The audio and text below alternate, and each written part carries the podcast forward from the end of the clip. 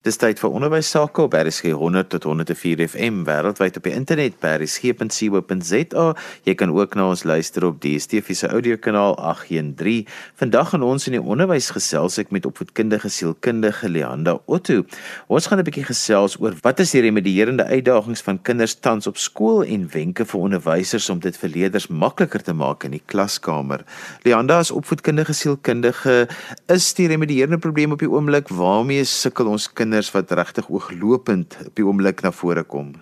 Ja Johan, kyk ek dink die grootste um, hindernis by oomblik is die grootte van die klasse. Wat ons ondervind in die in die staatskole is dat die skole al hoe groter word omdat daar regtig 'n tekort aan skole is en die klasse dan op sigself groter word, so die hoeveelheid kinders groter word in die klas.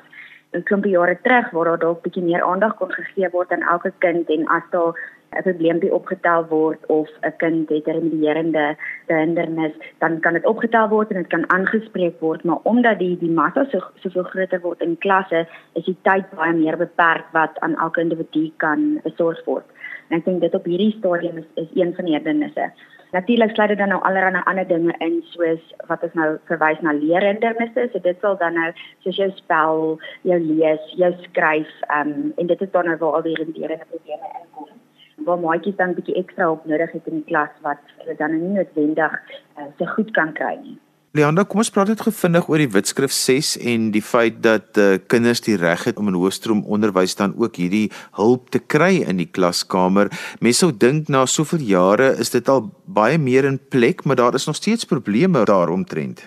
Ja, kyk ek dink Jan ons probeer regtig baie hard om om die inklusiwiteit in te sluit soos in Witskrif 6 en ek dink ons het dit al redelik goed reggekry, maar ek dink ons kan nie onsself, jy weet, blind staar aan die feit dat daar nog steeds ehm um, struikelblokke is nie. Daar is sekere kinders wat remediërende hulp nodig het wat wel in hoofstroom kan um, vorder en wat goed kan doen indien ouers weet baie betrokke is en saam met die onderwysers werk uh, en dan die nodige ekstra hulp kry wat hulle nodig het. Ehm um, en dan ook in die klas as onderwysers dan nou weet 'n paar ekstra dingetjies in plek stel of net hier en daar aanpassings maak. As ek nou byvoorbeeld kan dink met maatjies wat dalk ehm um, disleksies is wat dalk net op 'n spesifieke geel papier het hulle vraestelletjies of hulle goedjies moet op 'n geel papier gedruk word soms wat dit vir hulle kan vergemaklik. 'n Maatjie wat dalk liewer voor in die klas moet sit. 'n maatjie wat dalk bietjie meer visuele voorbeelde nodig het uh, in steede van net auditiewe voorbeelde waar jy van net die die goedjies in die klas neem. So met daai goed kan inklusiwiteit regtig baie mooi toegepas word met die skool die hulpbronne het en die assistente het en die die toerusting het om dit te doen en soos ek sê wanneer ouers ook dan met hande vat saam met die skool en saam met juffrou en 'n span vorm dan kan ons dit definitief regkry. Maar daar is ook maats wat dalk 'n bietjie meer remedierende hulp nodig het en dit is waar ons nog steeds dan in die stelsel remedierende skole het. Die kompleksiteit kom in dat daardie skole regtig ook oorlaai is en hulle het verskriklike lang waglyste en ek dink dit is 'n groot rede ook hoekom inklusiwiteit in in hoërskoolskole so belangrik is. Want ons kan nie net laat 'n maatjie terwyl hulle wag om 'n remedierende skoolplek te kry, dan nou maar net, weet, voortgaan en nie die hulp kry wat hulle nodig het nie. Leonda, want dit is nogal belangrik by skole is ons almal bewus van hierdie dinge, maar jy noem byvoorbeeld 'n baie interessante ding wat baie mense nie weet nie, is dat byvoorbeeld kinders wat disleksie probleme of uitdagings het, jy baie keer die vraestel op 'n ander kleep uh soos op geel blaaie kan druk. Sê ook hoekom dit so is, maar ook dan daarmee saam, waar kom hierdie kennis dan vandaan dat onderwysers dit kan weet? Ja, ek dink jy 'n groot mispersepsie is is dat onderwysers remedierend opgelei word van die begin af en dit is nie so nie. Daar is 'n bietjie remedierende opleiding in hulle kwalifikasie, maar in die 4 jaar wat hulle studeer, probeer ons regtig aan alles raak wat nodig is van kinderontwikkeling na um fisiese ontwikkeling, emosionele ontwikkeling en dan ook jy weet hoe om 'n kind te leer. So jy kan dink in 4 jaar om al daai kennis jy weet op te tel is regtig baie werk. Dit is moeilik om alles deur te trek na hulle toe. So die remedierende onderrig wat hulle kry, of opleiding is regtig wat hulle self doen nadat hulle gekwalifiseerd is en wat die skole ook dan bied. Um, en wat die departement probeer om ook dan bietjie opleiding te bied. En dis waar die kennis vandaan kom. Ook dan met opvoedkundige sielkundiges soos ons spraakterapeute speel 'n baie groot rol, arbeidsterapeute wat dan by skole betrokke raak. So ons stel gewoonlik voor, jy weet, onderwysers wat kan opleiding bywoon van spraakterapeute of kundige sielkundiges, arbeidsterapeute wat dan kan help um, om hierdie tipe voorstelle te maak. want dit is ook baie uniek aan 'n kind want soos ek nou genoem het die geel papier werk dalk vir een kind maar vir 'n ander kind werk groen papier um, of ons kan die skrif vergroot of ons kan 'n spesifieke letterformaat 'n font wat ons nou maar in Engels van praat kan gebruik word. So daar's baie goedjies wat kan in plek gestel word met ons weet jy weet wat vir die kind sal werk Want jy raak 'n belangrike ding aan wat jy sê wat vir een kind werk, werk nie vir 'n ander kind nie. En is nogal belangrik dat skole ook 'n beleid hier om sal hê binne in hulle skool wat hulle gebruik om te sê ons gebruik die kleurbladsye vir dit, ons gebruik hierdie tipe lettertipe vir dat. Net vir interessant vir luisteraars wat sopas ingeskakel wat nou nie eintlik weet presies hoekom ons nou praat oor 'n geel bladsy nie. Wat se verskil maak dit nou sommer net so as 'n tussenwerpsel? Ja, so kyk vir vir ehm um, disleksia op sigself is dit wanneer die wanneer ons lees en en ons ons maatjies wat disleksiek is, hulle sien dan op die bladsy dat die dat die woordjies dit half lyk like of dit swem. En so baie keer die wit bladsy is nog is is baie hard op die oog, swart op wit. En ek dink ons optometriste kan baie mooi ook verder verduidelik, jy weet in terme van die kornea en die oog se vorming en hoe dit werk. Maar basies wat die ander kleur papier doen, is dit versag die letters dan op die bladsy wat dit dan bietjie duideliker maak vir die vir die um, kind om te lees, wat dit duideliker laat uitstaan. So dit het ook te doen met die kleurrefleksie binne in die oog. En soos ek sê dit dit is 'n redelike komplekse verduideliking, maar sommer net basies is dit regtig wat dit doen. Dit maak dit makliker leesbaar. En dan ook natuurlik dan 'n sekere let, lettertipe soos wat ons nou gesê het, jou fonts maak dit makliker leesbaar. Want as jy gaan kyk op die rekenaar, baie van die fonts wat soms gebruik word, is nie die gewone fonts of die gewone letterformaat wat ons vir kinders leer om te skryf nie. Dit is dalk 'n bietjie meer suurskrif of dit het 'n ander tipe vorming, nie soos 'n gewone A byvoorbeeld nie. En dit maak dit dan moeiliker ook op die oog om te lees. So sulke tipe goedjies, ander dinge soos konsessies wat ons ook in plek kan stel waar kinders dalk, jy weet dalk ehm um, dalk 'n leser uh, nodig het of iemand wat vir hulle skryf in in eksamens of 'n uh, 'n verbale vraestel wat hulle dan nou doen. Daar's so baie dinge wat kan gebeur, maar die groot ding is dat jy het genoem na die beleid en ek dink dit is baie belangrik. Die beleide is gebaseer op die ons white paper 6. Ehm um, en wat gebeur is elke skool het 'n um, 'n um, skoolondersteuningsspan. So in in onderwys praat ons baie van die term school by support team, ja skoolondersteuningsstel of span en hulle dan is in beheer van verskillende aspekte in 'n skool. Met ek sê dit nou die die voedingsskema is en remedierende onderwys val onder een van hierdie kategorieë um, en leerderondersteuning. En binne hierdie kategorie is daar dan gewoonlik onderwysers wat aangestel word wat dan nou 'n bietjie meer kennis het oor remediering, wat dan nou reël dat onderwysers bietjie ekstra opleiding kry of wat dan bietjie beheer sal vat oor hierdie tipe goed, soos die konsessies en die goedjies wat in plek moet gestel word soos in die klasse. Jy luister na ons in die onderwys op RSG 100 tot 104 FM wêreldwyd op die internet by rsg.co.za en jy kan ook na ons luister op die DSTV se audiokanaal 813. Ek gesels vandag met opvoedkundige sielkundige Leanda Otto en ons gesels 'n bietjie oor die uitdagings van kinders in die klaskamer. Leanda, dit is natuurlik baie moeilik as 'n mens begin praat oor inklusiewe onderwys en al die uitdagings met die groter klasse. Watter wenke het ons vir onderwysers om te help om kinders en alle kinders in klasse te kan akkommodeer? My klas net so ongelooflik groot is? Ja, kyk ek dink Johan, die die eerste ding wat wat weet by mens opkom is hoe doen ek dit? En ek dink baie van ons onderwysers het soveel passie en ons sien dit op 'n daaglikse basis wat regtig wil en wat soms net voel dat hulle nie ondersteuning die ondersteuning dalk het of die um, hulpmiddels nie. En daar wil ek regtig net motiveer en sê, jy weet, dit is daai persoonlike eienaarskap wat elke onderwyser wat regtig daar is wat die passie het om om kinders te help om nie net terug te sit en te sê weet jy wat die uitdaging is net te groot nie want dan gaan ons verseker niks regkry nie dan sal nie eers een maatjie wat ons kan help nie en om 'n inisiatief te vat. En baie keer lyk dit soos 'n baie groot taak wat moeilik is, maar om net 'n trappie terug te vat en te sê, "Goed, baie van die maatjies in die klas sukkel dalk om net te luister as jy praat." En daar raak ons bietjie aan verskillende leerstyle. Waar ons dalk nie net, jy weet, moet praat in die klas en net die hele tyd die voorbeelde moet verbaal gee nie, maar ook dan 'n bietjie van tegnologie gebruik maak waar dit moontlik is ons weet almal het nie die die hulpbronne daarvoor nie, maar waar dit dan nou wel moontlik is, dit bietjie visueel in te bring, bietjie musiek in te bring, beweging in te bring. Ek dink ons ons leerlinge sit so lank by 'n tafel, dit is moeilik vir ons as groot mense om vir 8 ure lank agter 'n tafel te sit, maar tog verwag ons dit van die kinders. En ongelukkig omdat klasse so groot is, is daar nie regtig baie tyd vir die beweging en al daai dinge nie, maar om regtig te probeer om tyd daarvoor te maak. En dit maak ook die lesse baie meer interessant. Um ons praat van multisensoriese leer wat regtig die die maat wat leer wat leerhindernisse het, um outomaties dan intrek en wat hulle baie baie makliker help in die les ook om beter te verstaan en dan help dit sommer al die maatjies in die klas of daar nou leerhindernis is of nie. Ander wenke kan wees om die klassies dalk in bietjie kleiner groepies te verdeel. Indien jy wel gelukkig is om 'n assistent te hê om dalk bietjie meer aandag dan aan 'n groepie te gee, laat die assistent met die res van die groepies aangaan en so beweeg mens dan aan ander goedjies soos jy weet leerlinge wat regtig baie besig is. Dis dan daar waar ons arbeidsterapeute ons baie help en vir ons kan sê hierdie maatjie moet dalk liewer op 'n yoga bal sit of hierdie maatjie moet dalk liewer met 'n stresballetjie sit om 'n bietjie van haar energie uit te kry terwyl hulle dan fokus. So daai tipe individuele voorstelle kom dan meer van ons spesialiste af wat ons dan jy weet daar kan help daarmee en dan net om om positief te wees, om saam met die ouers te werk, om ouers te betrek.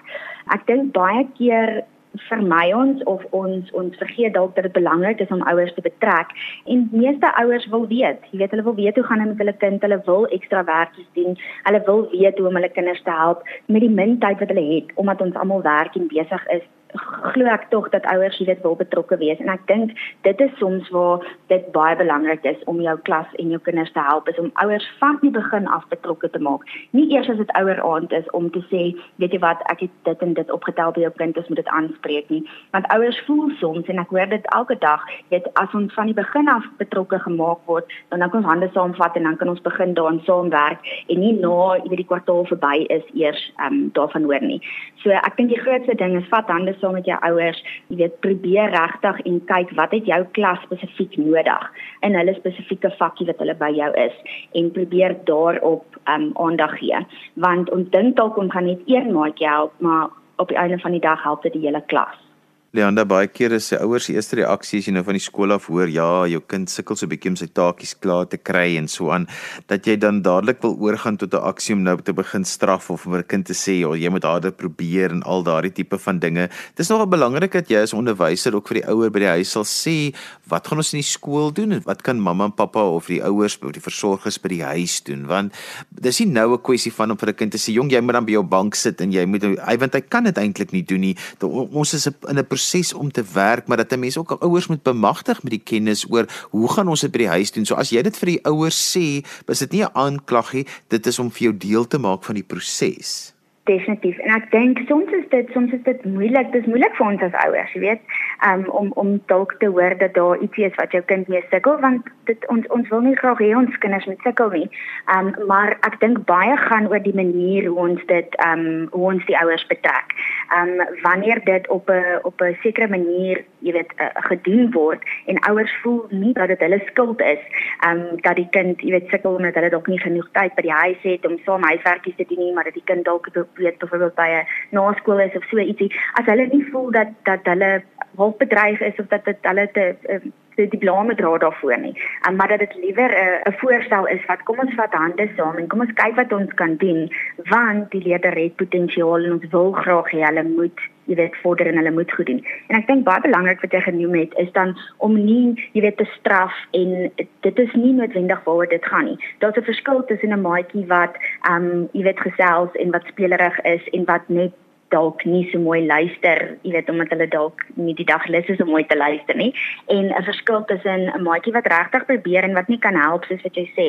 um, dat hulle aandag dalk bietjie dwaal of dat hulle dalk net sukkel om regtig stil te sit vir lang tye nie. Want sodra dit die geval is, begin kinders die heeltyd te hoor, jy kan beter, jy kan beter. En ek dink die boodskap wat ons dan vir hulle gee is, al probeer jy, dis nie goed genoeg nie want jy kan beter. En dis baie keer wat maatjies in terapie ook, jy weet, wat ons optel, is dat hulle voel maak nie saak hoe hard hulle probeer nie, dis nooit goed genoeg nie. En ek dink die manier hoe dit ook met die kind hanteer word, moet met die nodige insig en kennis, empatie gedoen word sodat die die kind voel maar juffrou en my ma wil help en dit is nie omdat omdat daar iets fout is met my nie, maar omdat ek beter kan doen en omdat hulle wil hê ek moet ehm um, jy weet my potensiaal bereik. Leanda met baie jare se ondervinding weet 'n mens al baie keer as jy na 'n kind kyk, ja, dit is miskien 'n diagnose vir wat hier aan die gang is, maar onderwysers moet baie mooi verstaan wat is hulle rol binne hierdie proses want hulle mag nie diagnoses maak nie. So as hulle met ouers gesels, kan hulle nie vir ouers sê, "Jong, ek dink jou kind het ADHD of jou kind moet op 'n pilletjie kom nie." Hulle mag dit nie doen nie,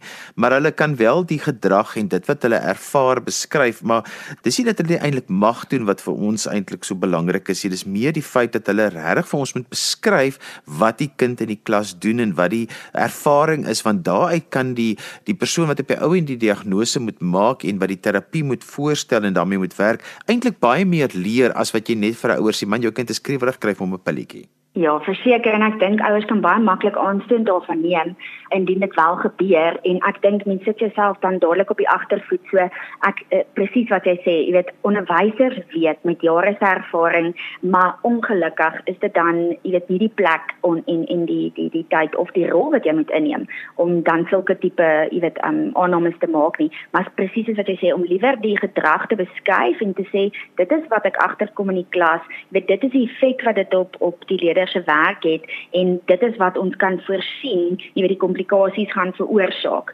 en dan te verwys na die na die regte spesialiste toe wat dan kan die diagnose maak of die assesserings doen en dit dan daar gediagnoseer word. Want soms het uh, 'n uh, leerder dalk nie medikasie nodig nie. Um jy weet 'n onderwyser sê dalk weet miskien moet ons net Ritalin kry. So die gevaar daarvan is dalk jy gaan na jou mediese dokter toe en hulle gaan op die die voorstelle gaan en op die kom ons sê net maar die simptome en gaan dalk die pilletjie voorskryf indien hulle voel dit is dis goed en hulle die kind gesien, maar daar mag dalk iets anders wees wat die jy weet die mediese praktisyn nie bewus is van se sensoriese integrasieprobleme ook al dit mag wees wat dalk soos ADHD voorkom en dit is dan nou waar jou spesialiste inkom wat 'n deeglike assessering moet, moet doen voordat ons eers weer kyk na diagnose maar belangriker dan die interventieplan want ehm um, jy weet medikasies kan tot 'n mate regtig baie help vir 'n kind wat dit regtig nodig het, maar die terapie is die groot ding wat hand aan hand saam met dit gaan. En indien 'n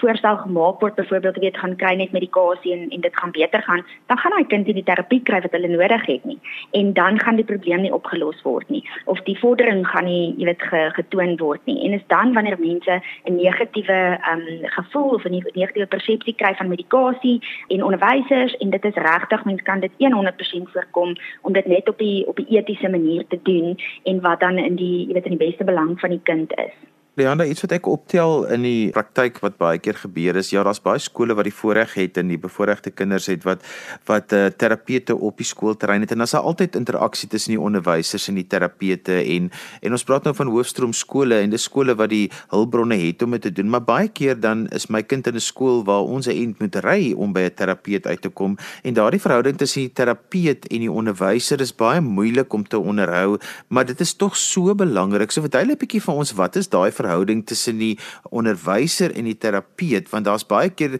nou die verhouding tussen die opvoedkundige sielkundige of die terapeut en die ouer want ons het nouer kontak maar want dit is tog so belangrik dat die onderwyser nie net 'n verslaggie van die terapeut af moet terugkry nie maar daar moet meer van 'n verhouding wees tot voordeel van die kind. Ek dink en daar daar is nou maar, jy weet daar is ongelukkig is daar 'n bietjie struikelblokke daarmee, maar weer eens soos ek nou-nou vir gesê dit gaan oor die bereidwilligheid en die die passie wat 'n mens het daarvoor um, om dit te verstaan en ek dink jy weet as as spesialiste weet ons dat dit so belangrik is om daardie kontak met 'n onderwyser te hê. Ek sê altyd vir ouers, ek kan nie 'n kind assesseer as ek nie met juffrou gesels het nie of as jy weet daar's as daar nie kontak met juffrou was en ek weet nie hoe gaan dit met die leerder in die klas nie, want ook die dag in die assessering het hulle dalk seker sekere gedrag of hulle doen dalk sekere goeders. Um jy weet in ons kry 'n sekere resultaat, maar juffrou by die skool sien iets totaal en al, jy weet op 'n ander vlak. En dan moet ons weet dat daar goed soos die omgewing in ag geneem moet word. Daar's ander maats in die klas. Um